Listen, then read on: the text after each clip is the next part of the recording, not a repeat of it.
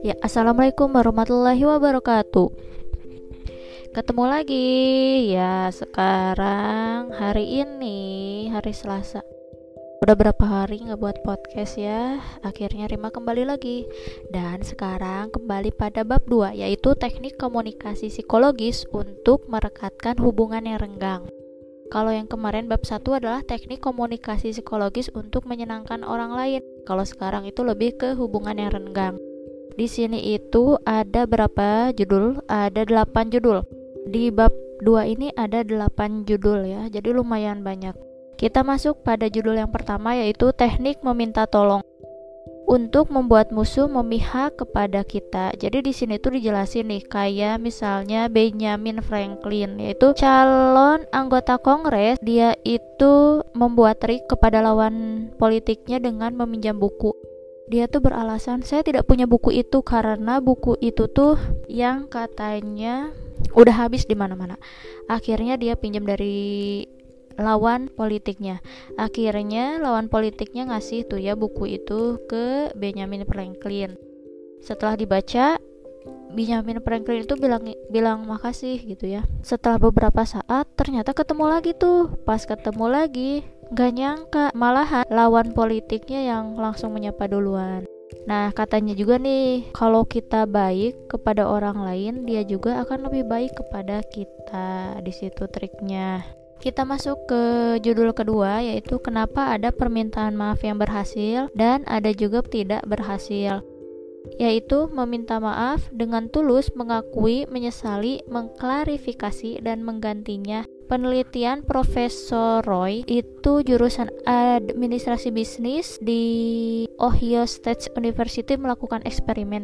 Mintaan maaf memiliki enam unsur katanya tuh yaitu pertama menunjukkan penyesalan, yang kedua menjelaskan apa yang salah, yang ketiga mengakui tanggung jawab dan ini efektifnya malahan lebih besar gitu ya.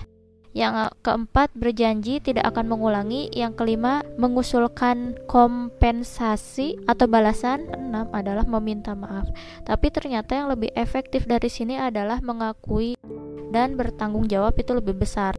Dan yang kedua adalah mengajukan kompensasi. Malahan bilang maaf sendiri dibilangnya usang. Jadi urutannya paling terakhir yaitu urutan ke-6. Kita masuk ke judul yang ketiga, berdamai seperti pakaian yang basah terkena gerimis. Di sini katanya meminta maaf itu memberikan waktu dan mendekati secara perlahan. Efek adaptasi sensori itu katanya suatu keadaan tidak bisa merasakan stimulus. Jadi maksudnya tuh kalau min minta maaf itu kita itu harus dilakukannya dengan perlahan. Jadi mendekatinya juga perlahan gak langsung minta maaf terus juga di sini juga ada istilah namanya efek adaptasi sensori yaitu suatu keadaan tidak bisa merasakan stimulus akibat turunnya fungsi sensorik karena secara terus-menerus menerima rangsangan sampai diberikan stimulus yang lebih besar. Jadi misalnya kalau kita beli makanan di tempat tertentu terus kita bilang enak ya tapi ternyata karena kita tiap hari misalnya ke sana akhirnya rasa enaknya juga hilang di situ tuh. Dan juga sebaiknya meminta maaf itu juga dilakukan perlahan. Misalnya ngajak makan gitu ya tanpa sadar malahan itu menjadi jalan rekonsiliasi pelan atau perlahan kita masuk ke judul yang keempat yaitu di balik ucapan orang lain salah hanya aku yang benar. Maksudnya di sini adalah hubungan yang gak baik, misalnya sapa, sopan, atasan, bawahan gitu ya. Lihat atasan, bawahan, yang harusnya ngucapin salam itu ya bawahan dulu gitu. Padahal kan gak harus gitu juga derajatnya pun tidak akan jatuh atau tidak akan lebih rendah dari bawahannya sendiri. Di sini juga dijelaskan ada empat hal yang perlu diingat, yaitu pertama, teruslah menyapa walau orang itu mengabaikannya. Yang kedua, sapa dan ucapkan yang jalan sampai selesai. Jadi sapa dan ucapkanlah apa yang ingin kita katakan sampai selesai. Dan yang ketiga adalah bungkukan punggung di saat formal. Dan yang keempat, jangan hilangkan senyum di wajah Anda. Kita masuk ke poin ke berapa nih? Ke poin 5. Semakin buruk hubungan, sapalah terlebih dahulu. Ada orang yang suka memotong pembicaraan orang lain, terus ada juga yang tidak mencoba mendengarkan pendapat orang lain untuk mempersempit perbedaan pemikiran dan menutup pintu komunikasi. Di sini ada istilah namanya God complex di mana seseorang menganggap dirinya superior baik sadar atau tidak Cara menghindari dari hal itu adalah menempatkan diri di posisi orang lain. Jangan melihat sebuah pekerjaan sebagai urusan orang lain, katanya begitu. Terus kita masuk ke poin keenam yaitu kamu tidak tahu, aku sih sudah menduganya. Di sini juga ada poinnya yaitu asumsi negatif sudah kuduga.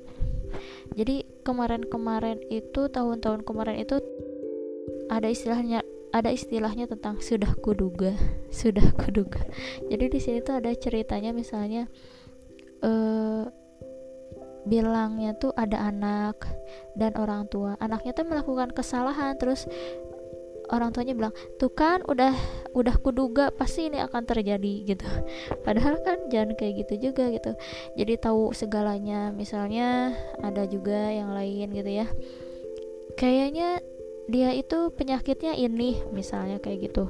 Dan dan gini gini gini sampai akhirnya kita keluar tes labnya ternyata betul gitu nah di situ tuh malahan ia dikatakan atau ingin menegaskan gitu ya bahwa dia itu memiliki otoritas padahal kata-kata sudah kuduga itu jangan keluar.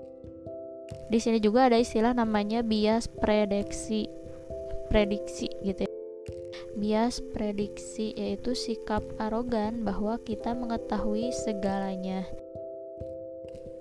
Dengan begitu, tanpa sadar, hubungan anda dengan orang pun akan merosot dengan cepat. Kita masuk ke judul ketujuh. Dulu aku itu berpikir terbuka terhadap sebuah bualan. Lihat, jepretanku bagus bukan? Sini serahkan padaku, aku ahlinya. Nah, kalau kayak gini Anda tidak perlu men menanggapi kelebihan atau mencari tahu nih kenapa atau latar belakang orang tersebut. Karena ada istilah kecenderungan untuk melebih-lebihkan efek terlalu percaya diri. Karena apa? Karena di teknik komunikasi itu Teknik komunikasi itu bukanlah segalanya. Terkadang kita hanya perlu tertawa, menerima, dan memperhatikan lawan bicara seperti itu. Jadi nggak ditanggapi, aduh kasihan ya, senyumin aja. Poin 8 atau judul ke-8 adalah aku sengsara karena dia sukses. Selamatkan harga diri dengan menghilangkan kebaikan atau kebahagiaan membanding-bandingkan teman. Misalnya dulu kita punya teman yang ngajar di satu tempat gitu ya. Ini semuanya Rima ambil dari buku ini ya ceritanya. Misalnya kita punya teman yang dia itu ngajar di suatu tempat terus dia itu memilih untuk menikah. Kodarullah akhirnya dia harus mengajar lagi di tempat lain gitu ya. Dan ternyata di tempat itu dia malahan lebih menonjol.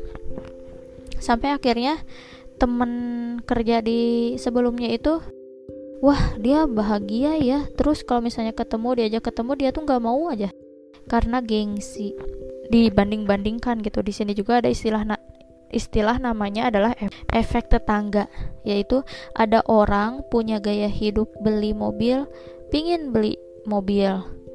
Terus kalau punya apa pingin beli gitu ya. Malahan itu hidupnya bahagia tidak tidak bahagia. Jadi cemas hidupnya. Terus reputasinya bagus gitu ya. Ada seseorang yang reputasinya bagus gitu ya. Bisnisnya di mana-mana eh ternyata bukan bisnisnya aja di mana-mana utangnya juga di mana-mana gitu. Bahagia tidak? Tidak bahagia gitu. Setiap orang punya kekurangan dan kelebihan di satu sisi. Haruskah anda tidak bahagia dengan membanding-bandingkan? Terus kamu kapan bahagianya gitu? Ini kutipan terakhir ya. Bagaimana bila Anda melupakan aja apa yang tidak Anda miliki dan bersyukurlah atas apa yang Anda miliki. Kebahagiaan sejati tidak datang dari apa yang dimiliki, tapi dari hati. Itu bab 2 dari buku komunikasi itu ada seninya. Oh, Suyang. Sampai bertemu di bab 3. Wassalamualaikum.